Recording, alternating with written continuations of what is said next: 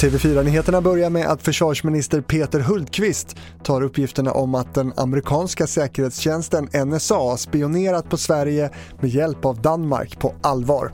Han beskriver situationen som oacceptabel och att den måste klaras ut. Sen har jag då speciellt frågat efter information kring svenska företag, svenska intressen och svenska medborgare. Svenska skolor sparar över 3 miljarder kronor varje år på att anställa obehöriga lärare. Det visar en rapport från Lärarnas riksförbund. En outbildad lärare tjänar i snitt 5 6 000 kronor mindre i månaden än en behörig och det kan enligt facket förklara varför bara var tredje lärare i svenska skolor är behörig. Den sämsta statistiken har friskolorna.